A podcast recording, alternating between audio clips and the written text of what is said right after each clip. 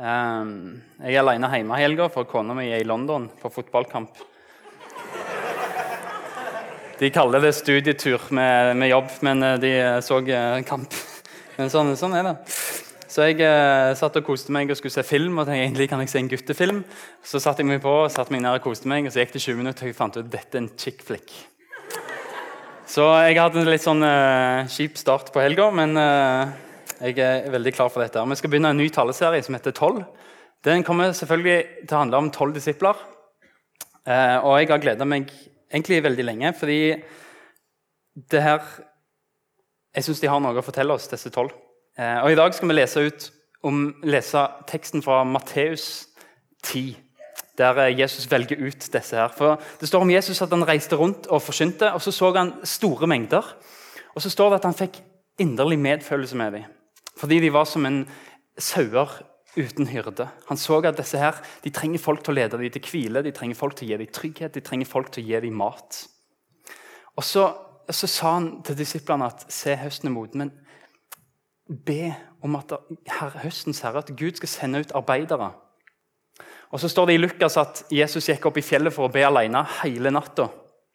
Eh, og Jesus fikk raskt bønnesvar. For Dagen etterpå så skår han fram og så velger han seg ut tolv stykker. Og Disse her skal være med og høste inn det som Gud syns er klar høst. Det er de som skal være høstens eh, herre sine arbeidere. Eh, og Jeg vet ikke hva folk du tror Jesus valgte ut til dette. De, de måtte jo være dyktige og gode folk, for de skulle jo faktisk de skulle være fundamentet i kirka hans. Når Jesus for opp til himmelen, så var det disse tolv som skulle liksom spre kristendommen utover hele jorda. Tolv stykker, så du tenker Dette her må være skikkelig, skikkelig gode folk med en vanvittig CV. Han leter etter åndelig supermenn. Jeg vet at Hvis jeg ba noen i salen om å lage et portrett av hvordan tror du en apostel, hvis du skulle funnet en apostel, hvordan skulle han sett ut, så lagde de det her. Jeg fikk det her eh, av eh, noen eh, gode venner. De var gode venner. Eh, I 30-årsgave. Eh, og ja, det er meg i en Supermann-drakt. Eh, og ja, det er pusekatter i bakgrunnen. den fikk jeg ikke lov til å henge opp hjemme av kona. Men etterpå så kom jeg til å stå og signere den og selge den da, til inntekt for misjonsprosjektet. For de som måtte ville ha den på veggen. Hvis ikke så kommer jeg til å henge på kontoret mitt. og Det er veldig sært når folk kommer i sjelesorg og så henger liksom et svært bilde av Supermann. Men sant? det er nesten sånn du tenker ok, Er det sånne åndelige supermenn eh, Jesus leter etter? Men hvis vi skal beskrive de tolv som Jesus fant med ett ord, så må det bli ordinære. Helt streite gutter. Og Jeg gjetter på ca. et snitt av oss som er her i Salem i kveld. Helt, helt vanlige folk. Vi leser fra Matteus. Han kalte til seg de tolv disiplene sine og ga dem makt til å drive ut urene ånder og helbrede all sykdom og plage. Dette er navnene på de tolv apostlene. Først Simon, som kalles Peter. Så hans bror Andreas. Jakob, sønn av Sebedeus, og hans bror Johannes. Philip og Bartolomeus. Thomas og tolleren Matteus. Jakob, sønn av Alfeus og Tadeus. Simon Kananeus og Judas Iskariot, han som forrådte han. Dette er disse tolv som Jesus velger ut. Først har du Peter. Han står alltid først. En helt, helt, egentlig en helt gjennomsnittlig fisker. Han var gift og bodde hjemme sammen med svigermor. Kult. Eh, han var ekstrovert som få. Han snakket før han tenkte, veldig ofte. Og Han sier det er litt kult, han sier mer i de fire evangeliene enn alle de elleve andre til sammen. Altså, her er det en som ikke kan stoppe å snakke. Han lovde masse og holdt lite. Og Så svikta han Jesus, selv om han lovde Jesus sa jeg kommer aldri til å svikte deg. Om alle andre forsvinner når du blir tatt til fange, Jesus. Ok, greit, Thomas han tviler. Han kommer garantert til å stikke av. Tordensønnene, de hovmodige Johannes og Jakob, de kommer sikkert til å stikke av. Tadeus, ingen har hørt om han, kommer garantert til å stikke av. Jeg, Om du så må ha et fjerde kors der oppe, Jesus, så skal jeg være der. Det tok nesten ikke noe tid i det hele tatt før Bibelen er nødt til å sensurere Peter fordi han banna og svor på at 'jeg kjenner ikke Jesus'. Og det er lederen av disiplene, han som alltid nevnes først. Og Så har du Andreas, broren til Peter. Han, han så sikkert snill ut. fordi Når det er 5000 menn som er sultne, så er det en liten gutt som går til Andreas. Og han Gutten tenkte seg ja, hvem av disse her er snille, hvem skal jeg Og så kom han her er nistepakken min. jeg vet ikke om du kan gjøre noe med det. Og så tok han han med til Jesus. Eh, og så sier Andreas sånn Jesus, unnskyld, men eh, dette er alt vi har. Beklager. Eh, det er litt latterlig, men det er, liksom, det er noe fisk og noe brød. Og han visste Han forsto ikke at Jesus kan gjøre vanvittig store ting med det lille som gutten kom med. Den lille nista. Og det gjelder ikke bare nister, det gjelder alt med Jesus.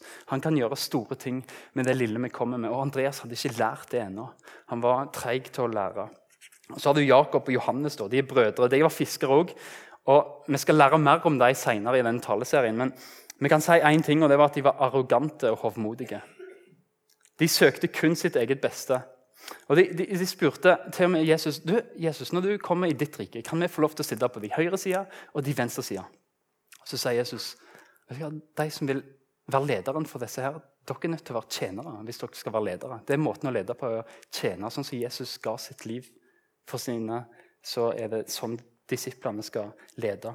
Men, og det interessante er at Senere står det at mora deres kom og spurte du, kanskje Jakob og Johannes får lov til å sitte ved siden av deg i Guds rike.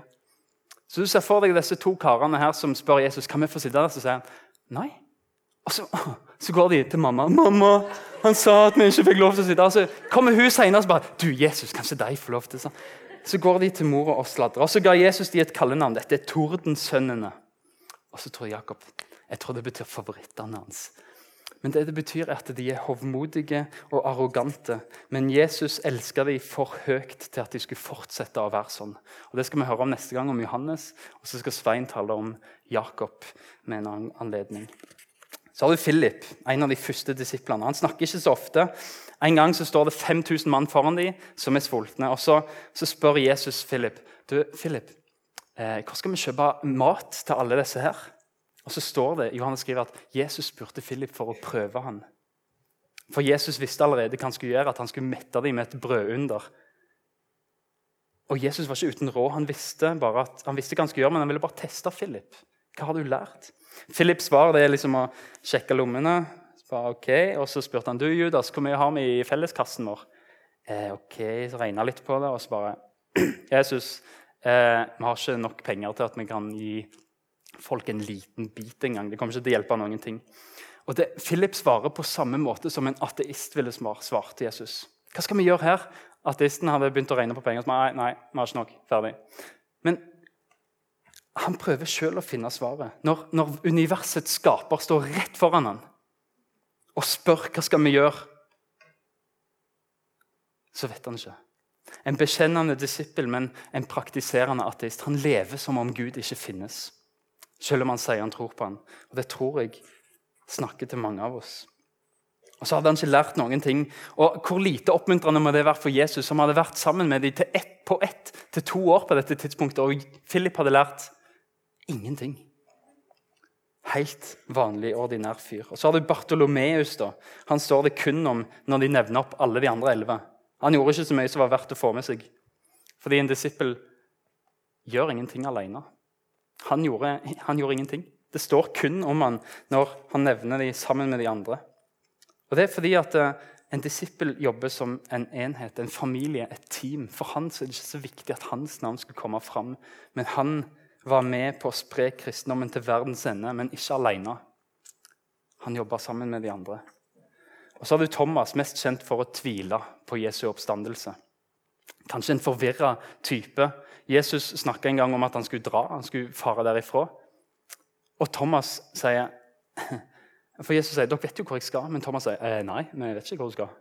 Eh, men, men, for oss er det utrolig bra at han sa det, for da sa Jesus han stava det rett inn og ga det til Thomas med teskje. Så sa han jeg er veien, jeg er sannheten og jeg er livet. Thomas. Og Takket være Thomas så fikk vi det svaret som vi bruker gang på gang, og som er en sannhet som er så utrolig verdt å ta på. Men Thomas virka som en type som alltid så på det negative. Når Jesus en gang skulle gå ned til Jerusalem i sør, der det var farlig fordi jødene var etter ham, så sa Thomas åh, vi får vel gå med han og dø, vi òg, da. Der har du han, sant? En helt vanlig pessimistisk og negativ kar. Og Så har du Matteus, eller Levi om du vil. Og Det har ingenting med klærne han gikk i å gjøre. Eh, han var en toller. En som faktisk jobba for å samle inn skatt for romerne, for okkupasjonsmakta. En som du må betale penger til for at romerne skal få lov til å herse med deg. Og Det var liksom så galt at Han ble ikke bare kalt en synder, men de hadde en egen kategori for sånne som han. Han var syndere og tollere. Det var liksom likestilt. Det var, det var ett fett, syndere og tollere. Og Han var en toller. Han var hata av jødene. Men Jesus kalte på han, og så tilga han han, og så rensa han han. Og Det som skjer er at Matteus åpner heimen sin for Jesus. Og Så kommer Jesus og spiser og har fest sammen med andre tollere og andre syndere. Folk som er like Matteus. Jesus visste at det var derfor han var sendt til jorda. Jeg er ikke kommet for å kalle de rettferdige, sier Jesus. Men de urettferdige skal jeg kalle til omvendelse. Matteus møtte Jesus, og så ble han tilgitt. Og det som skjedde videre var at Matteus introduserte Jesus for andre mennesker som var lik han. Kom, Jesus, her er flere tollere og syndere sånn som meg. Og du ser det det Jesus kaller deg òg til, tror jeg. Til å nå sånne folk som er like deg. Og det er ganske logisk. Du er inngangsporten til Jesus for de som er like deg. For de som har de samme interessene. De som ligner på deg. Det er de du kan få bety en forskjell på. Og så har du Jakob, sønn av Alfeus. Det som står en gang om Jakob, det er at han ble kalt Jakob den yngre fordi han var yngre enn Jakob, broren til Johannes. Det var to Jakober her, altså. Og da er det ung fordi Jakob, broren til Johannes, han bodde ennå hjemme. Han var ikke gift, og de gifta seg ganske unge i den tida. Så da har du Jakob som var enda yngre igjen, og det er alt vi vet.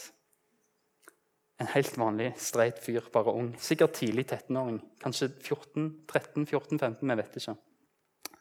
Og så har du Tadeus. I Lukas og i apostelgjerningene så blir han kalt for Judas, Jakobs sønn. Og Det det står om han, det er at eh, han er Judas, ikke Iskariot. Det er alt. Kjekt for han. Han er Judas, men ikke den bad guy Judas. Og Han er forresten den disippelen som har fått flest quizlag til å tape poeng. Simon Kananeos. Andre plasser så står det at han heter Simon Seloten. En selot det var en, en som var med i politisk aktivistgruppe. De hata romerne, og de leda et oppgjør, opprør mot romerne i år 6. Eh, for det, å ære keiseren for jødene det var bare helt uaktuelt. Det var blasfemi mot Gud. Så de her Selotene de hadde ett mål, det var å jage romerne på sjøen. Få de vekk derifra, oppreise Israel igjen. Og Opprøret ble knust, men tankesettet deres levde i 60 år, 60 år til til år 70. Og da knuste romerne all motstand når de la Jerusalem i grus i enda et opprør. Selotene, altså Simon, han var en patriot som ville gjøre alt for å berge nasjonens ære. Og De var sånne geriljasoldater, omtrent noen av de, selotene. Simon var en politisk aktivist som tilhørte ei grein som ville ta livet av romerne. De, de brukte alle midler. De var terrorister mot romerne for å få bli kvitt dem midt i Jesu disippelflokk. Men hvis vi går litt tilbake da, for hvis vi stopper opp litt der, at han var en fyr som ville drepe romerne Også I tillegg så har du Matteus, som jobba for romerne for å samle inn skatt til romerne. Og det som er litt fascinerende, jeg tror at I alle andre tilfeller så ville seloten Simon funnet en mulighet for å stikke en dolk i, kniven, i ryggen på Matteus. Likevel så finnes de sammen som disipler av Jesus. Altså var de brødre. Og det står at Etter oppstandelsen, etter at Jesus hadde reist opp til himmelen, etter at de fikk Den hellige ånd, så delte de alt med hverandre. De solgte det de hadde, og delte alt. Matteus, som jobba for romerne, og Simon, som var selot. De som egentlig var på helt forskjellige sider politisk og var arge fiender. De solgte alt, og så delte de sammen. Og så eksisterte de sammen. Og Det er det Jesus kan gjøre med bitre fiender. Og På samme måte som Jesus var svaret i denne relasjonen, så er jeg sikker på at Jesus er svaret i Midtøsten og i Syria. Fordi Jesus er verdens håp. Det er sånn han kan arbeide med fiender. Og her har vi de. Elleve stykker. Helt ordinære mennesker. De var økonomisk ordinære, de var akademisk ordinære, sosialt ordinære og åndelig ordinære. De var ikke mennesker som hadde det i seg til å snu verden opp ned i løpet av noen få år. Men likevel så er det disse Jesus velger seg. Og så befaler han dem å gjøre helt ekstraordinære ting. Gjør, folk, gjør disipler av alle folkeslag. Driv ut onde ånder. Helbred Led en bevegelse som snart skal bli verdensomspennende. Og du ser Jesus sin hemmelighet. Hemmeligheten med at helt vanlige, ordinære mennesker, sånn som deg og sånn som meg, gjør sånne ting som disiplene gjorde. Helt ekstraordinære ting. Helbreder folk, forsynte så 5000 blir kristne. Hemmeligheten er i relasjon med Jesus. Det var han som kalte dem. Det var han som ga dem autoritet. Det var han som virka i dem, og det var han som sendte de ut. Det er den ekstraordinære Jesus som jobber i ordinære mennesker. Og så gir han de ekstraordinære resultatene. Kilden til suksess den fantes på ingen som helst måte i disiplene sjøl. Når du leser evangelien, så tenker du for en gjeng med surrehover av og til. Og det var de. Kilden til suksess fantes ikke på noen som helst måte i disiplene, men i Jesus, som kalte dem og sendte dem. Og Dette har fått utrolig mange til å tro på kristendommen som sann.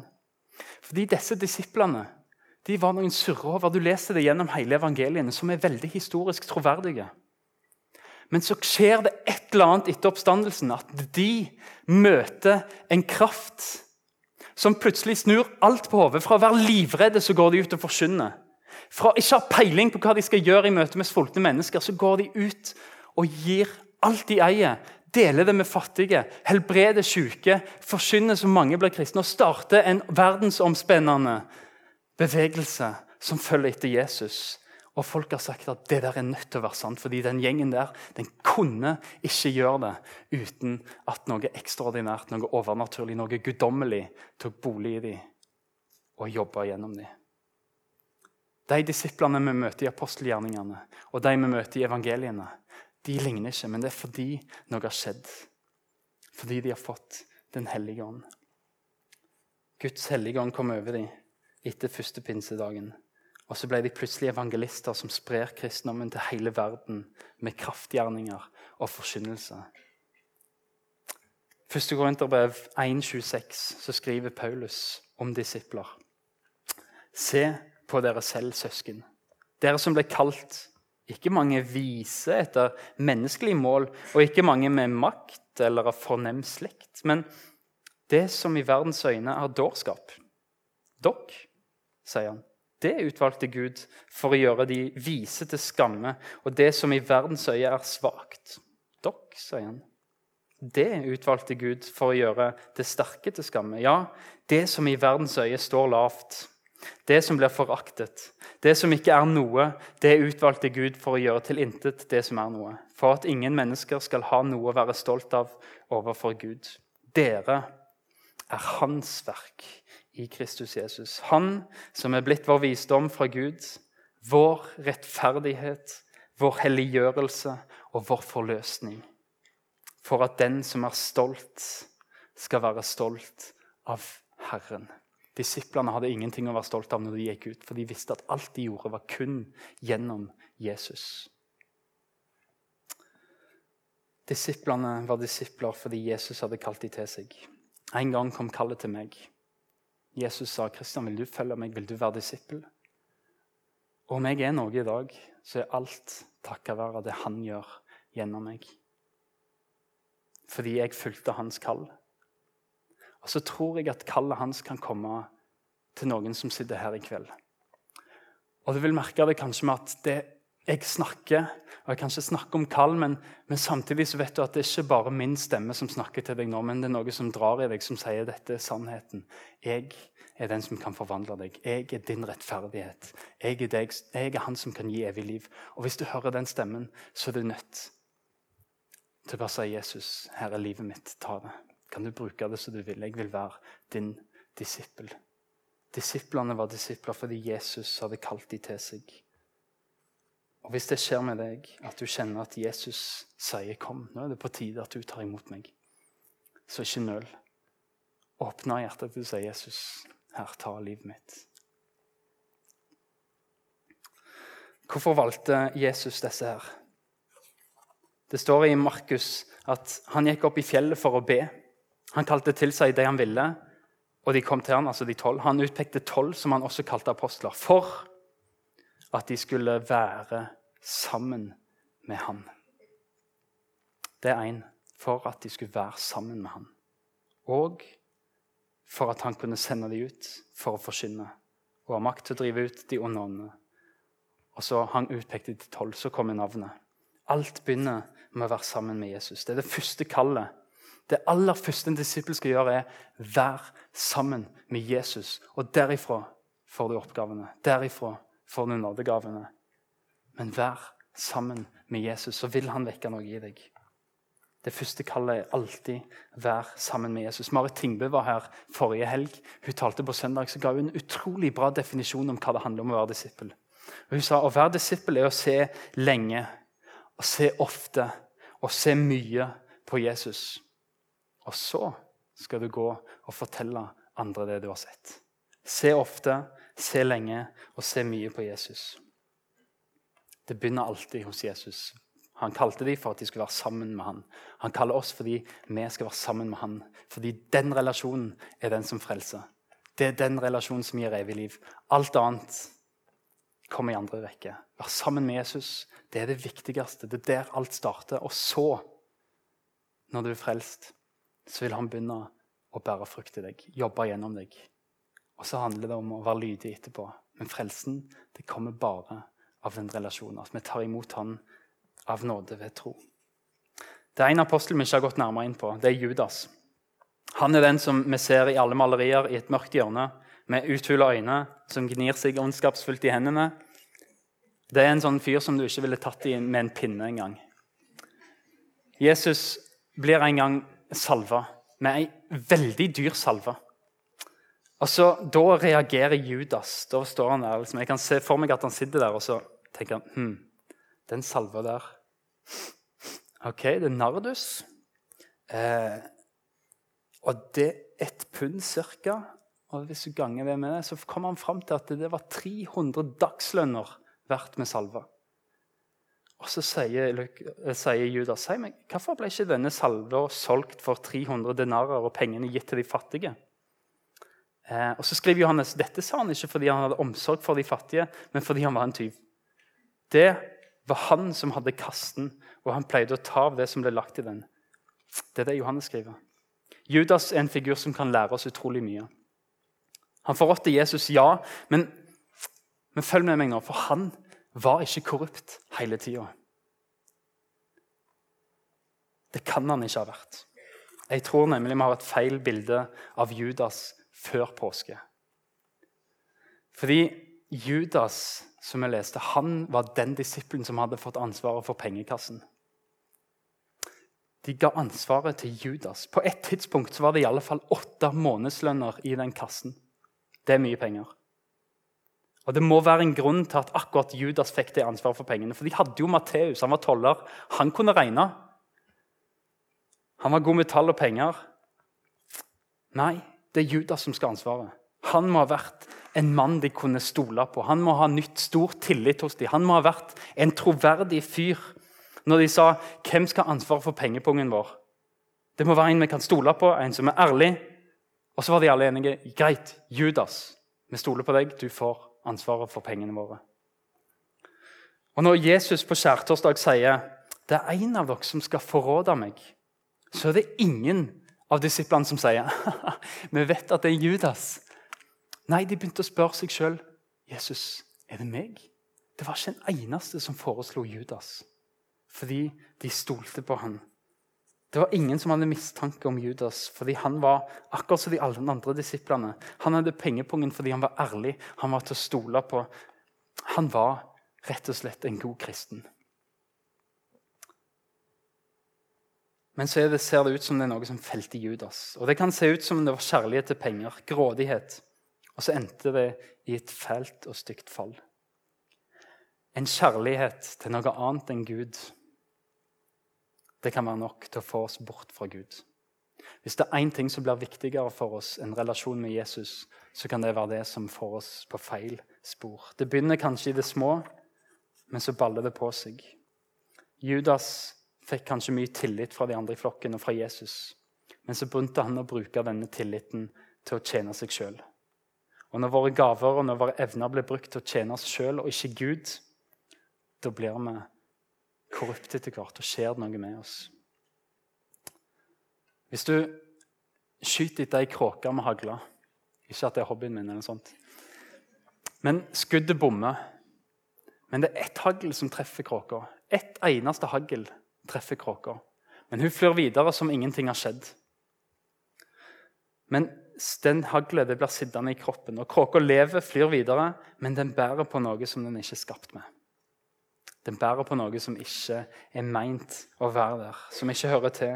Og Sakte, men sikkert så blir såret mer og mer betent og fører til at kråka mister kontroll på flyginga. Og til slutt så kommer det en dag der kråka detter død i bakken. Ett lite hagl, ett lite hagl, men det forråtner kråka sine egenskaper og sin kontroll. Og litt sånn er det med kristenliv og synd. En liten synd, hvis du gir det grobunn, så kan det vokse og bli mer og mer betent. Og til slutt så kan det ødelegge hele relasjonen til andre rundt deg, men òg til Jesus. Det kan få oss ut av kurs, og det kan felle oss. Med mindre du går til Gud og får ta et oppgjør. Og det kan gjøre vondt. Timoteus kommer til Tessalonika med et brev fra Paulus. Timoteus var liksom kompisen til, til, Paulus. Og Paulus skriver til dem at det er gode kristne de i Tessalonika. Og så skriver han til dem jeg var bare nødt til å sende Timoteus for å finne ut hvordan det sto til med troen deres. Jeg var nødt til å sende Timoteus for å finne ut om fristeren hadde greid å friste dere til fall, sånn at mitt arbeid i Tessalonika hadde vært forgjeves. Det han sier, er at dere er kristne, men jeg er nødt til å bare sjekke. Går det bra med dere ennå? Fordi det går an å falle fra. Det går an å falle fra hvis vi lar synden få plass. Men Jesus vil kalle oss tilbake. Johannes skriver i sitt brev sier vi at vi ikke har synd, da bedrar vi oss selv, og sannheten er ikke i oss. Men dersom vi bekjenner våre synder, er Han trofast og rettferdig, så Han tilgir oss syndene og renser oss fra all urett. Sier vi at vi ikke har syndet, da gjør vi Han til en løgner, og Hans ord er ikke i oss. Bekjennelse. Komme til Jesus med det. Leve i lyset tør å si 'Jesus, jeg har gjort noe galt'. Og Det kan du få gjøre i kveld òg, gjennom en forbeder som sitter bak der. Hvis du kjenner at 'jeg har noe som jeg må ta et oppgjør med Jesus med', så er det folk der som har taushetsplikt, som ikke sier videre det du kommer med. Kanskje vil du ikke sette helt ord på det, men bare komme til Jesus allikevel. For det kan hjelpe oss fra forråtnelse. For Jesus vil tilgi og rense. Kom til Jesus med det som kan føre deg til fall. Bekjenn det til han, til de du eventuelt har synda mot, og kanskje en forbeder. For det er sterke løfter knytta til bekjennelse. Han renser oss og tilgir oss. Ransak meg, Gud, og kjenn mitt hjerte, skriver David. Prøv meg og kjenn mine tanker. Se om jeg følger avguders vei, og led meg på evighetens vei. Og så sier Jesus til deg som kanskje kjenner at han har pirka i noe i dag. Han sier gjennom profeten Jesaja, 'Kom, la oss gjøre opp vår sak', se Herren. Om syndene deres er som purpur, skal de bli hvite som snø. Om de er røde som skarlagen, skal de bli hvite som ull. Det vi skal gjøre nå, det er at vi skal feire nattverd i lag. Og Nattverden er for deg som vil komme til Jesus, sånn som han sier. Kom.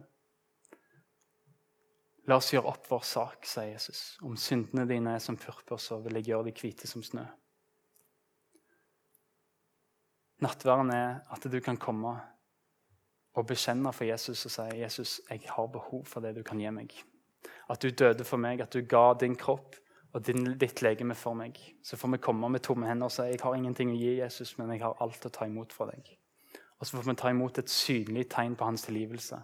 At han ga sin kropp for oss og utrant sitt blod for oss, for at vi skal få evig liv. For at vi skal slippe å møte den døden han møtte. Vi skal begynne nattverden med å bekjenne våre synder.